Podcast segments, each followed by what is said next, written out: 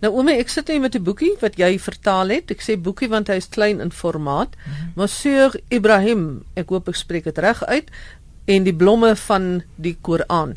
Dit is dieselfde skrywer van Oscar en die Pink Tannie. Jy het ook daardie vertaling gedoen en dit was 'n weggoltreffer trouens nou nog op die verhoog deur Sandra Prinsloo. Kan ek vir jou vra wanneer 'n mens vertaling van letterkundige werke doen? En gewone vertaling sê net maar van dokumente of vorms en daai goed. Hmm. Verskil die twee of is dit maar dieselfde beginsels wat geld? Daar is dieselfde beginsels in die sin van dit is nog steeds taal, daar is nog steeds sintaksis, dit moet nog steeds sin maak, maar dit is twee heeltemal verskillende kategorieë. As jy byvoorbeeld 'n handleiding sou vertaal, is die belangrikste kriterium dat die persoon wat dit lees moet kan verstaan hoe werk sy masjien of hoe moet hy sy masjien aan mekaar sit en so voort. So daar daar's nie 'n styl nie. Dis 'n neutrale styl. Dis 'n dis 'n die, die teks is deurskynend. Jy kan glad nie die outeur agter die utilitêre teks aanvoel nie terwyl 'n literêre teks het 'n styl, hy het 'n register, hy het 'n toonaard want uh, tekste is vir my baie soos musiek en hy moet gekontekstualiseer word. Jy jy wil ek begin nie net te vertaal nie. Jy lees ook 'n hele paar boeke want die verskillende tekste van 'n skrywer praat met mekaar. Jy tel dieselfde tipe temas op wat op verskillende maniere uh, verwerk word. 'n Skrywer uh, skryf ook binne 'n sekere tydvak binne 'n sekere gemeenskap. So as ek as ek uh, net 'n voorbeeld kan gee uh, uit Monsieur Ibrahim en die blomme van die Koran. Die teks speel af in 1960. So daar's woorde wat mens moet gebruik wat 1960 gebonde is. Een van die voor die hand liggende voorbeelde is die geldeenheid wat hulle gebruik. Dis natuurlik nog frank jy kan dit nie verander na na euro nie. Maar ook dis 'n uh, jou vraag was uh, is dit baie anders? Ja, want so, as mens net Schmidt se oeuvre kan neem, jy moet bewus wees van sy dramas, van sy romans, van die ander dinge wat hy doen. Uh maar jy moet weet dat hierdie spesifieke siklus, daar's 'n spirituele konnotasie daaraan. En sonder om nou in die analise in te gaan, ehm um, uh daar's ook so daar's ook uh, binne literêre vertaling iets soos intertekstuele verwysings met ander woorde verwysings na tekste van dieselfde skrywer of van ander skrywers binne sy eie nasionale kanon of uh, binne internasionale kanon en daar's byvoorbeeld daar's die titel van hierdie siklus dis die siklus van die onsigbare. Nou mens kan net oor dit lees as mense sou wou en net dink wel ehm um, dis maar net 'n sinoniem vir vir geestelike dinge vir dinge wat mense nie kan sien nie. Maar my manier van vertaal dink ek word word beïnvloed deur die feit dat ek ook Frans doseer. En ek dink dit help my ook om die om die skrywers wat ek vertaal baie beter te kontekstualiseer en baie vinniger op te tel as daar intertekstuele verwysings is. Nou jy het net iets genoem wat wat ek net gou wil verder vat en dit is die kwessie van jy lees jy moet ander boeke en letterkundige en die hele oeuvre gaan lees. Ek het altyd geleer jy moet 'n goeie algemene kennis hê, wye algemene kennis hê as jy 'n goeie vertaler wil wees. Dis nie net die taal wat die belangrikste is nie. Jy moet weet wat gaan aan. Dit is absoluut so. Dis absoluut so. En kom ek gee net 'n bietjie 'n voorbeeld van vertaling wat meer net 'n nuttige vertaling is. Maar elke dag in in ons gemeenskap byvoorbeeld gebeur daar nuwe goed wat 'n woord nodig het wat as jy nou na Frans toe vertaal byvoorbeeld soos beerdkrag. 'n Week gelede het ons nie so baie wat ons nie so baie bekommerd oor beerdkrag nie, maar skielik nou praat almal van beerdkrag en dan dink jy indien internasionale koerante nou gaan praat oor die beedkragsituasie in Suid-Afrika, wat gaan hulle dit noem? So die ding is ja, behalwe vir die feit dat jy literêre tekste lees, uh, as iemand 'n vertaler wil word, jy moet baie koerante lees, jy moet baie tydskrifte lees en jy moet vreeslik dink ek wakker deur die lewe gaan. Jy weet, kyk na uithangborde, kyk na hoe mense advertensies verf op vensters jou bronne van inligting is eindeloos want baie dikwels uh weet en, en daar's nie daar's nie 'n hiërargie nie. Daar's nie bronne wat kan ek sê superieur is nie. 'n paar jaar gelede het ek byvoorbeeld gewerk aan aan die liedjie projekte aan Afri Afri Frans en die twee Braille series en om 'n ekwivalent te kry in Frans het dit my vreeslik gehelp dat ek um, ek kyk vreeslik baie Franse films en ek ek luister vreeslik baie na Franse liedjies en dikwels as jy die as jy die Franse luisteraar van Afri Frans wil intrek uh jy moet hom jy moet hom nie te veel vervreem nie. Jy moet dit koppel aan iets wat hy wat wat, wat hy ken. So, jou bronne is is eindeloos, maar so ek sou sê uh jy moet vreeslik nuuskierig wees. Jy moet ongelooflik baie lees. Enige iets. Ek bedoel selfs ek onthou toe ek die Afrikaans vertaal het van Leclésio, dit speel af in Nigerië en Kameroen en daar word verwys na 'n sekere soort akedus. So jy kan nie, jy kan nie eers sê wel ek is nou 'n literêre vertaler. Ek hoef niks te, te weet van botanika of van dierkunde of sulke tipe goed nie. Nee.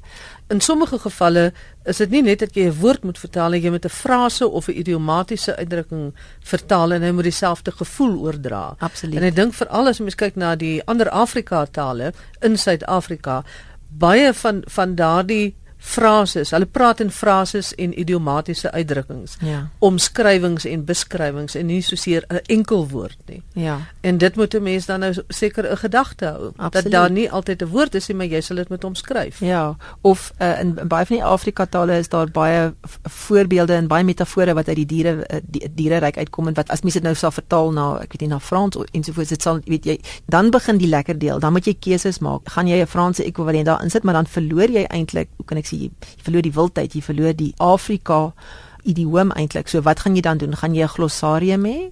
uh Fugard doen dit dikwels selfs in sy in sy eie stukke as hy dink wat as hy as hy want hy skryf mos eintlik baie tweetalig dan sit hy 'n glossarium in of gaan jy 'n voetnota hê? Hoe gaan hoe gaan 'n mens daai dit, dit dis 'n baie dis 'n baie moeilike ding. Maar dis dan ook wanneer dit interessant is want dan dan moet dan dan begin jy ook kreatief werk. So ek ek weet mense sê dat ehm um, vertaling is nie is nie kreatief nie want dis nie dis nie jou idee nie dis nie jou karakter nie maar die taal die vertaalkeuses wat jy moet maak is dikwels ontsettend kreatief as ons kyk na hoe lyk die literêre teks hulle word al hoe meer meertalig die keuses wat jy moet maak dink ek word al hoe meer kompleks want dit is hoe mense begin praat. Hulle hulle bring al hoe meer ehm um, Slang woorde- in ook, slang ook ja. Uh, slang slang het Engels veral. ja ja Maar die voordeel daarom as jy nou uit Afrikaans na Engels moet vertaal, dan gaan 'n paar woorde wees wat jy nie hoef te vertaal Ja. nie, net so kan oorskryf. Ja. Jy luister na die tale wat ons praat. Ek is Magdalene, my gas is professor Naomi Morgan van die Universiteit van die Vrystaat, hoof van die Frans afdeling en ons praat oor vertalings van Frans na Afrikaans. Twee boeke wat sy gedoen het wat baie gewild is en bekend is. Die een is Monsieur Ibrahim, dis die jongste ene. Dis Monsieur Ibrahim, meneer Ibrahim en die blomme van die Koran en die ander een is die baie bekende Oscar en die Pink Tannie. Nou om dit program is nou die tale wat ons praat. Vandag praat ons nou Frans en Afrikaans.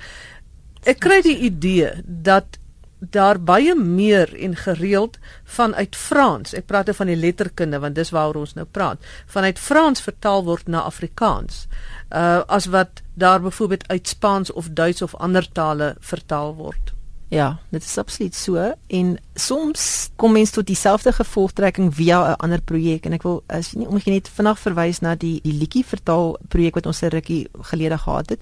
Die eerste een was Afrifrans, toe was dit Afrispaans en uh Afri Afritalia. En Afrifrans is die enigste van die taalpare waar die vertaler die bron en die teikentaal magtig was. Wat eintlik nogal verontrustend is is dat toe uh, daar begin is met die Afrispaans projek en daar is daar is 'n hele paar mense in Suid-Afrika, Suid-Afrikaners, Afrikaners wat Spaans doseer, wat Spaans kan praat, maar hulle kan nie liedjies vertaal nie. Uh, die die vraag is aan hulle gestel. En dan dink ek dit is 'n dis soos 'n maatstok van hoe lyk ons kennis van kom ons praat nou maar van Europese tale want dit was die voorbeelde wat jy genoem het. Want uh van Afrispaans af is dit die sanger self wat die wat die vertalings moes doen via Engels so ja, uh, dit is sodat as mense hier 'n hiërargie sou opstel dan dink ek in die taalpaar Frans-Afrikaans, ons het baie studente en ons het baie potensiële vertalers. Maar vir die ander vir die ander tale lyk dit nie, dit lyk nie goed nie. Nou kom ons kom dan nader in Afrika met Frans. Dis uh, en ons vergeet vir 'n oomblik dat dit 'n Europese taal is. Ja. Die grootste taal in Afrika is Frans. Ja. Ek bedoel as jy in Afrika opgaan, gaan jy met Engels nie baie ver kom nie. Ja. Dit is Frans. Nou hierdie toenemende vertaling van uit Frans na Afrikaans toe en selfs na Engels toe en ek wil amper sê die vertaling na Suid-Afrika toe. Maak dit nie dalk nou vir ons die deure oop om meer van die Afrika letterkunde wat in Frans is te vertaal en ook uh, ons Suid-Afrikaners bekend te maak met Afrika letterkunde en Afrika skrywers se werk. Nee, absoluut, want daar's 'n ander fenomeen waarby ek toevallig ook betrokke is, so op daai vlak weet ek waarvan ek praat, is dat daar is meer en meer frankofone studente wat uh, eerder na Suid-Afrika kom as na Frankryk. En ek is ek is toevallig ehm um, ek was baie lank die eksterne eksaminator by die Universiteit van Pretoria. En deesdae het ek ook 'n hele paar M-studente afkomstig van Nigerië, Kameroen ensovoorts en jou vraag was uh, gaan dit ons toegang gee tot Wes-Afrikaanse letterkunde. Dis 'n moeilike vraag wat jy vra want dit dit gaan vir die Wes-Afrikaanse um, uh, studente wat nou Frans spreek en dit gaan vir hulle baie lank vat om byvoorbeeld weet na Afrikaans toe te, te kan gaan. Maar uh, ons kan dit natuurlik ook doen en daar is baie projekte. Dis nie dat die wil nie daar is nie. Hulle het byvoorbeeld hulle hulle het fantastiese dramas wat weet ek het jare nou al weet hierdie hierdie ambisies dat mens amper soos 'n weet 'n groot universiteitsprojek kan doen waar jy eintlik twee vleie met een klap slaan dat jy byvoorbeeld 'n Wes-Afrikaanse drama in Frans uh, vertaal as deel van jou program van vertaalstudies en dit dat dit dan opgevoer word deur die drama departement. Jy weet sodat sodat mense ook bietjie meer uitruil tussen departemente en dat jy ook uh, interdissiplinêr werk. Nou dis is altyd baie veel geld om te praat oor geld maar ons ons moet want veral wat drama aanbetref en ek dink drama is ook nog 'n goeie plek om te begin omdat dit dit maak dit vir mense meer lewendig. Jy weet hulle die want jy wil tog ook meer leer van die kultuur. Die karakter sal op weet sal sekere kostuums dra en en, en sulke tipe goed. In 'n omgewing waar uit die drama dan uh, kom. Ja, maar daar is 'n probleem met die betaal van die vertaalregte, die opvoerregte ensovoorts.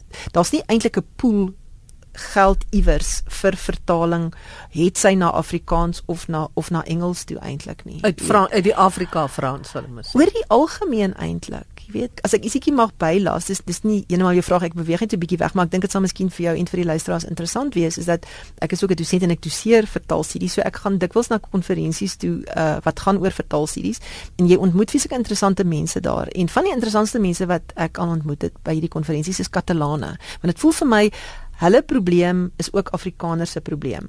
Want jy ken die die geskiedenis van Spanje jy weet dat die Katalaanse taal is baie lank onderdruk uh en dat dit nou absoluut weer bloei. Dit bloei sodat dat hulle mos Katalonië eintlik wil afsny van die res van Spanje. Maar omdat onder Franco Katalaan so onderdruk is het dit ook gemaak dat die mense se Spaans het verbeter. Wanneer ons nou praat oor 'n sien maar 'n blitsverkoper boek, want daar's ook 'n verskil tussen sien maar 'n boek waaroor almal praat en jy wil jy kan glad nie die brontaal lees nie en jy wil ook graag saam praat oor hierdie boek daar's 'n verskil tussen dit en sê net maar 'n meer klassieke weet weet soos Dante of so iets wat jy maar op jou tyd kan vertaal.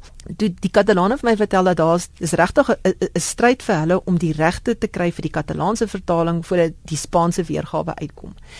En ek dink dis een van die probleme in aanhalingstekens wat mense moet seker as 'n uitdaging sien in Suid-Afrika en vir Afrikaanse lesers is dat Afrikaanse lesers lees net so goed Engels as Afrikaans as ek nou kyk na die Belgiese situasie, is dat hoewel baie van die uh, Vlaamssprekende Belge kan ook die Frans lees, maar hulle hou daarvan om dit te lees in hulle eie taal. Nederlanders ook. Hulle hulle kan Engels lees, maar hulle hou daarvan om die om die teks te hoor in hulle eie taal.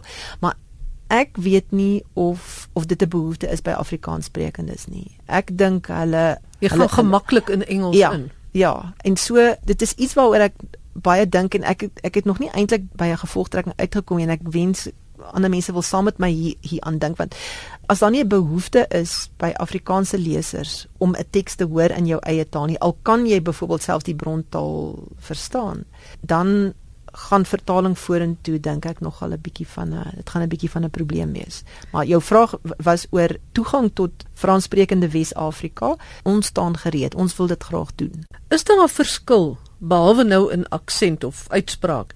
Is daar 'n verskil tussen die Frans in Wes-Afrika en die Frans, die Europese Frans in Frankryk?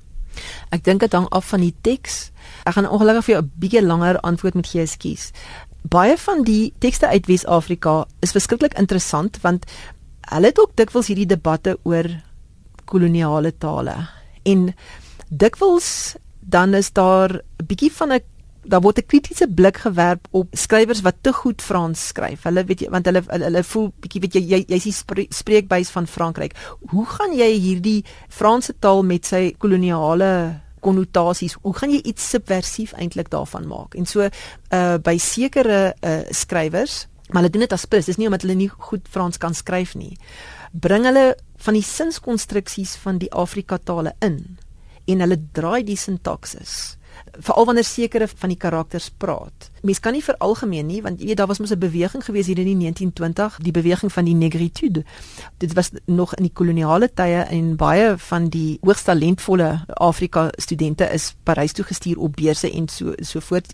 Die bekendste voorbeeld is natuurlik Leopold Senghor wat later die president geword het van Senegal en daar was dit iets anders. Hulle wou wys hulle kan net so goed skryf soos die Franse. En so jy moet skryf soos hulle. Weereens is die antwoord is kompleks. Ons kom eintlik terug na jou heel eerste vraag, die verskil tussen literêre vertaling en ander vertaling. So as jy praat oor Wes-Afrika, dan hang, dit hang af wie se skrywer, dit hang af hoeveel tyd het hy in Frankryk deurgebring. Was hy een van die beurstudente? Was hy 'n lid van die Negritude?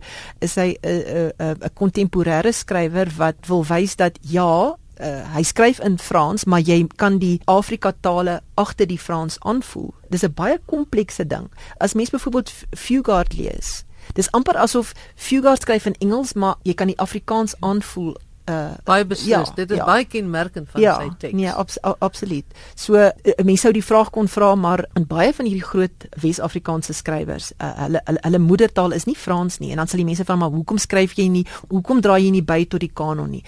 En weer moet ons sê dat daar's nie ehm um, sien ons kom heeltyd hierna terug. Daar's nie genoeg lesers in hulle eie tale nie. En die groot uitgewers is Franstalig of Engelstalig ensovoorts voort so. En jy soek massa lesers. Jy soek massa lesers. Vat iemand so Zeixem daar hier, hier plaaslik. Hy het 'n enorme aanhang in Amerika.